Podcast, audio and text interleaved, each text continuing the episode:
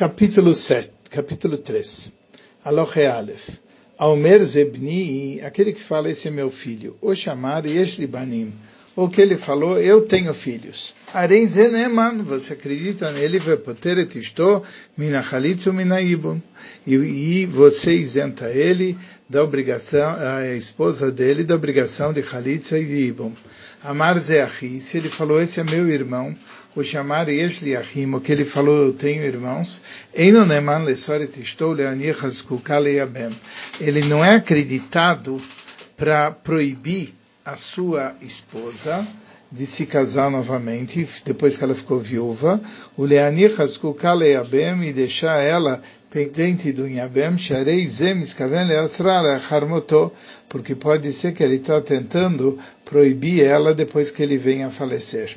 Gimel, Lo Achim, mas se tem uma Hazaká que ele tem irmãos, Ve'amar B'shat Mitato En Li Achim, e na hora do falecimento ele fala, eu não tenho irmãos, Em Noneman, também a gente não acredita. Ve'chenim Amar Almi She Uzak Achiv, e se ele falou sobre uma pessoa que a gente sabe que é irmão dele, em Zeachi, e não é meu irmão, em Oneman, você não acredita. Loyamozak Beachim, se ele não tinha Hazaká de ter irmãos. E saiu um boato, Sheyesham Edim Sheidu Sheyesh Lebaala Achim, que tem testemunhos que vão testemunhar que o marido tem sim irmãos. Ve'edim Bemedinas Acheres, e os testemunhos estão em outro país. A fila Amar Ubshas Tato, mesmo que ele falou na hora do falecimento dele, em Liach, eu não tenho irmão, Areizu Rosheshes Vetamtim Ad Edim, ela deve suspeitar e esperar chegar as testemunhas, Shamru Veishalo,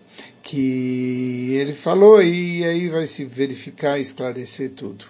4. Mishezana e Mishá, alguém que se promiscuiu com uma mulher, Ben Bnuya Ben Ashetish, quer uma solteira, quer uma mulher casada, Ben Itabra, e ela ficou grávida.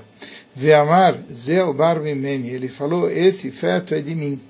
O Veafilo imodalo, ou ela reconhece para ele, Afal Pishu Bnoi Linyan Yerusha, mesmo que esse eh, eh, feto que vai nascer é considerado filho dele para o assunto de herança, é uma dúvida para o assunto de Bum. Por quê? Que Shem Shezana Imze, do mesmo jeito que ela se promiscuiu e teve relações com esse, Karzanta Imacher, ela também teve relações com outro.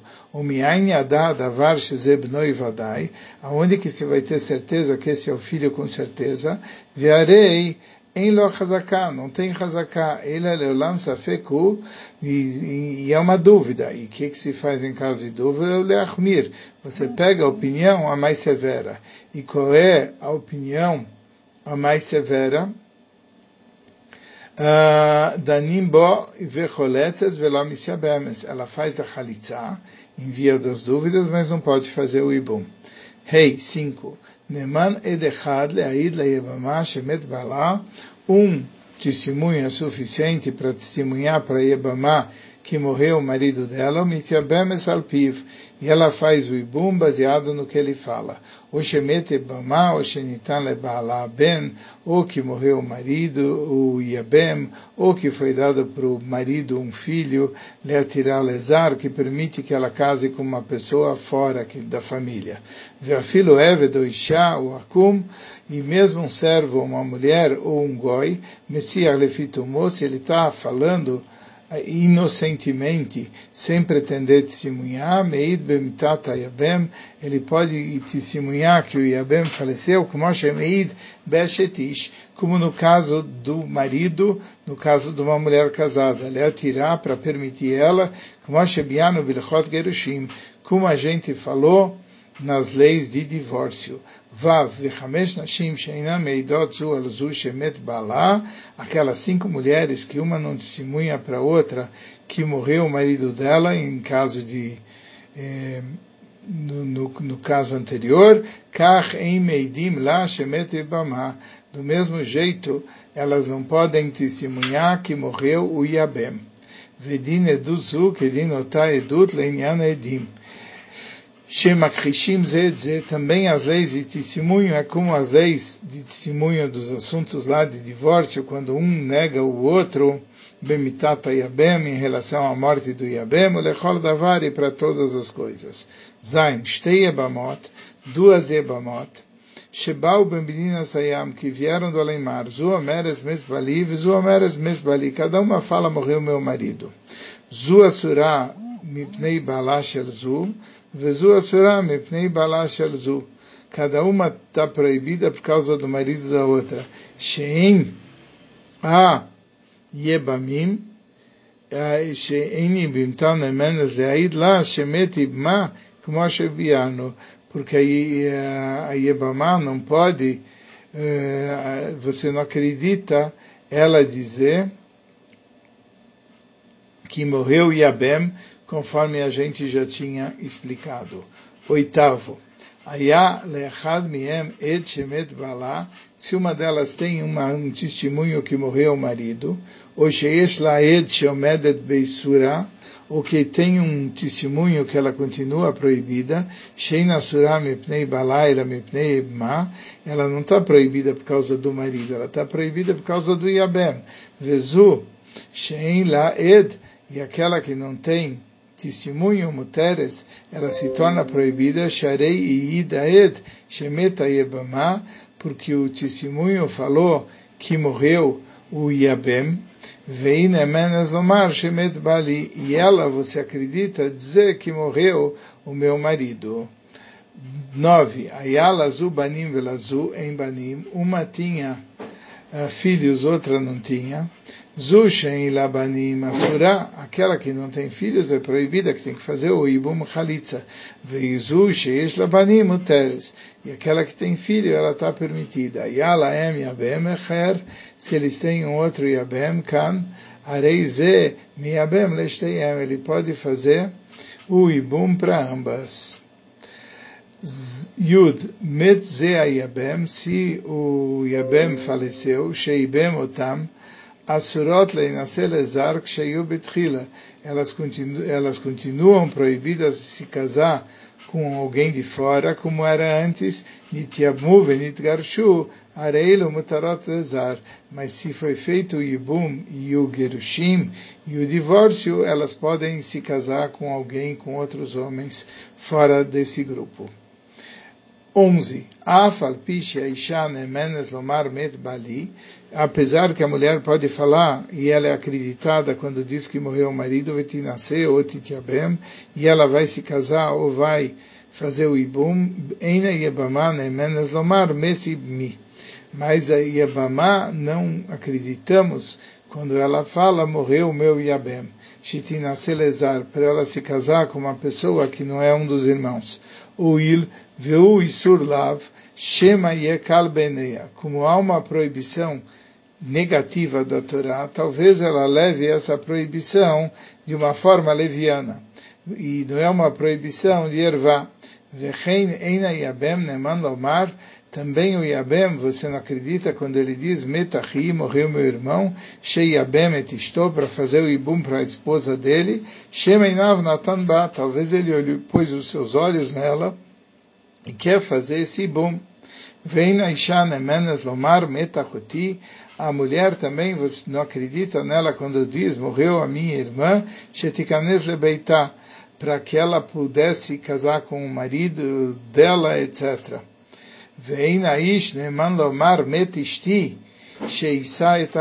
Também o marido, você não acredita quando ele diz, morreu a minha esposa, para ele poder se casar com a irmã dela. Nesses casos, o que, que se faz? Até testemunhar em duas testemunhas. Shemetachutá, que morreu a irmã, Vechaka Tikanes Leveitá, e aí depois ela pode casar com o marido dela. Por que, que eles permitiram um testemunho para que a mulher não ficasse sem se casar? Uh, que é a Tarazaguna, como a Shebiano, para ela não ficar sozinha. 12. Leficha Raisha Shelcha Balá. Por isso a mulher que foi ela e o seu marido, Vibma, e o futuro Yabem, Lemedina Sayam, para o além mar. Veba Veamra, E ela voltou e falou, Met Bali, morreu meu marido, Vechaka Met Ebmi, e depois meu morreu o Yabem, o chamar Met Ebmi, Vechaka Met Bali, o que falou, morreu o Yabem, e depois morreu meu marido, Areizu Einanemenes, você não acredita nela. Avali Malcha Yiu Bala Bilvad, se foi só ela e o marido. O Bave Amra Nitan Li Yabem Medina Sayam Umet.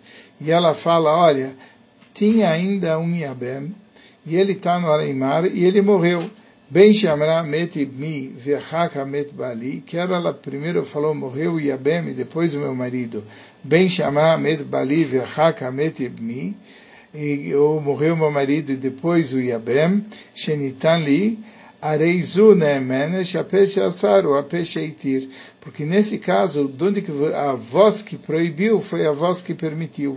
De onde que você sabe que ela precisa de ibum? porque ela falou, morreu o marido. Então ela se proibiu. Mas a mesma voz que proibiu foi a voz que permitiu. Ao falar, o Yabem faleceu também. Então a, a voz que proibiu foi a voz que permitiu. Yud Gimel, Aisha, Shalcha, Baalá, Ubna Medina Sayam, a mulher foi ela, o marido e o filho, para o Aleimar o Bave Amra, e ela voltou e falou, Met Bali Haka Met Bni. Ela falou, morreu meu marido, e depois morreu meu filho. Nemenes, você acredita nela. Sharei Aitab Cheskat Eter Lezar. Ela tinha uma hazaká que poderia se casar com alguém fora, não, não tem problema de bum, porque tem um filho. Baet Shalcha. Amrat met bni met bali. Mas se ela falar morreu o filho e depois morreu o marido, então ela não tem filho. E aí morreu o marido sem, sem terem filhos, então ela tem que fazer ibum. Mas ainda menos, você não acredita nisso. Lei-se bem para fazer o ibum. Mas a gente não dá credibilidade para a palavra dela, ela faz halitzah, mas não ibum. Yudalet, 14. Alcha e o balá bilvad. Foi só ela e o marido o Bave Amran Itanli Ben Bemedina Sayam. E ela falou, olha, nasceu para nós um filho no Aleimar. O Met, depois ele morreu. Vechaka Met Bali, depois morreu meu marido. Nemenes, o Misiabemes. Você acredita? Ela faz ibum. Sherei Aitaba Cheskat Eter.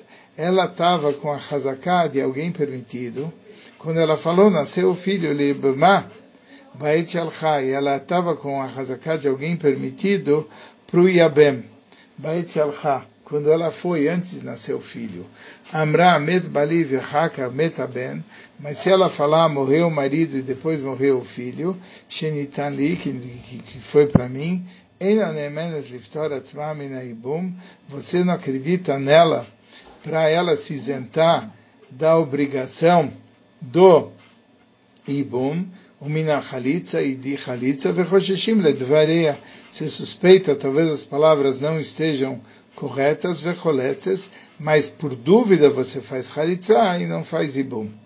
Alacha 15. Bamed varim amurim. Quando isso se trata, b'sheita psula lekeuna, quando ela já era imprópria para casar com Koanim e Trila, desde o começo, que Goncheita Grushá, por exemplo, ela já foi divorciada, ou Halalá, ou ela já é Halalá, ou Shamra Bemara, Aino Keshemet, ou ela fala, nós estávamos numa caverna quando ele morreu, Aval Imeina Davarken, Eina Choletzes, mas se não, ela não faz Chalitza. Shema Tachlot Ve'yavu Edim Ve'aidu Shadavar Kmo Shamra, porque talvez ela vai fazer Halitza.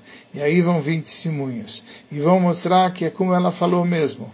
Ve'abal met hila, e o marido morreu primeiro. Venimtzet Halitza zu einaklum. Então essa Halitza não é necessária. Porque quando o marido morreu, tinha filho. Vitinasele Cohen. E aí ela vai casar com o Cohen.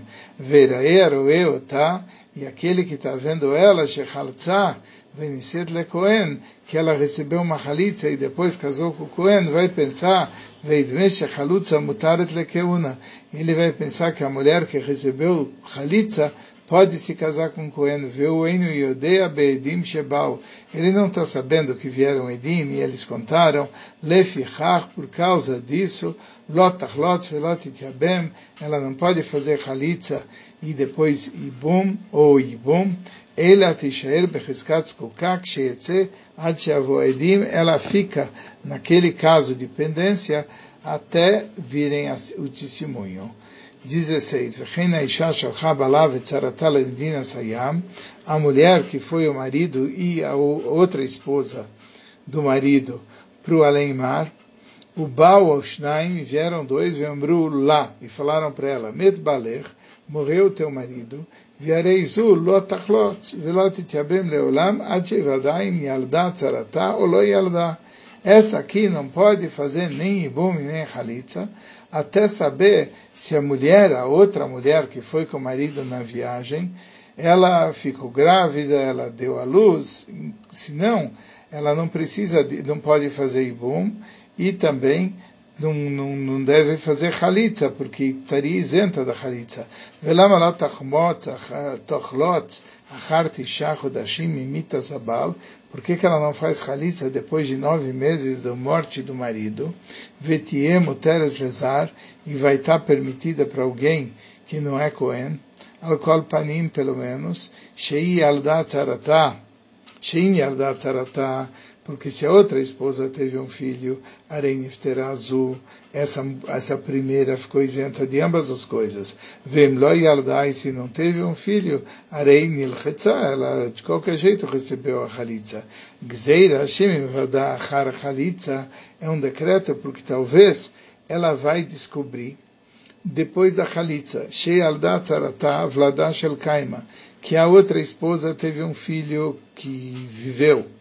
ונמצאת זאת שאינה חלוצה ותינשא לכהן. Então, na verdade, a chalitza dela não foi chalitza. Então, ela é uma mulher normal. E se ela é uma mulher normal, pode casar com Cohen. E depois que casa com o Cohen, a Harshenir Chetzah, depois de ter feito o ritual da Chalitza, mesmo que não valeu, Veomar Aroe, e vai dizer quem está olhando. Ele vai falar que uma Chalutza vai estar permitida para o Kohen. E ele vai dizer que viu ela casar com Kohanim. Al Pi Beidin, baseado naquilo que disse o tribunal. Lefichach, por causa disso, se ela já estava proibida desde o começo para Naselezar. Ela pode fazer a Chalitza depois de nove meses e pode se casar com alguém fora. Aval Shemet, mas essa Tzara, essa outra esposa, que estava junto com o marido, quando ele faleceu, Tamtim Tishim Yom, ela tem que aguardar 90 dias, que Shara Ebamot, como as outras Ebamot, Vetachlot, Otit Yabem, para fazer a Chalitza o Ibum, Velot Achush Letzarata, Shibemedinas Acheres. Ela não precisa se preocupar com a outra tzara do outro país, o Il, Velo Yabala Ima Medina, porque o marido não estava com ela naquele lugar onde ela estava. 17. Aisha Shemet Bala, a mulher que morreu, o marido, veita lá Hamot, Bemedina Zayam. E ela tinha uma sogra no além-mar. Ela sabia que o marido não tinha irmãos, mas ela, talvez ela vai suspeitar, talvez a minha sogra teve uh, um filho. Então eu tenho um Yabem em outro país, que não fizeram decreto em relação a isso que tem que suspeitar. Ela leamidotal resgatar se, se continua com uma hazaká. Viarei muteret. A hazaká é que ele não tinha irmãos, então ela está permitida. Viu adim Leisha shemet balá. E essa é a lei da mulher que morreu o marido. Veia lo bem meninas acheres e ele tinha um filho no outro país, areis umuteres, a Hazaká, que ela é permitida lesar. Vem Roshishim Shema Meta Ben, você não tem que ficar elucubrando e pensando talvez o filho morreu, ela amado tal, rescatar, se põe ela conforme a Hazaká. 18. Yatzach Amutam meu Beres, se a sogra, quando saiu, estava grávida. Areizu Rosheshes, aí ela tem que suspeitar, talvez o que nasceu era um irmão do meu marido. Verot nasceu Lezar, Adtedá Meaya Sof Ibur. Ela não pode casar com um estranho até saber o que aconteceu no final da gravidez da sogra. Shema Nolad La Yabem Kodem. Talvez um Yabem nasceu antes de morrer o marido. 19. Aisha Shalcha Medina Sayam. A mulher que foi ela e o marido para o Aleimar. O Baal veamru lá e chegaram e falaram para ela, Met Baler morreu o teu marido, Veachaka Met Bnech, e depois morreu o seu filho. Veniset, e, e aí, se morreu o marido e ainda o filho estava vivo, ela não tem problema de ibum. E aí ela se casou. Mas depois ela soube, as pessoas relataram que foi na ordem inversa. Ela sai do casamento, o segundo casamento, e o filho que ela teve de lá é Kasher. Amrulamet Bnech. Se falaram, morreu o seu filho. Verhakamet Baler. E depois morreu o seu marido. Venit e ela fez Ibum, Chiluf, mas depois ela descobre que foi na ordem ao contrário e ela fez um ibum que estava proibido, hashmuah, ou achar mamzer. Aqui ela sai desse segundo casamento e o filho que nasceu antes de chegar ou depois de chegar a notícia, ele é mamzer, é um filho ilegítimo. Por quê? Porque primeiro ela, ela tinha que fazer o ibum e assim por, e assim por diante. Então, eh, desculpe, ela não tinha que fazer o ibum e ela fez. Então, na verdade, é um problema de mamzer.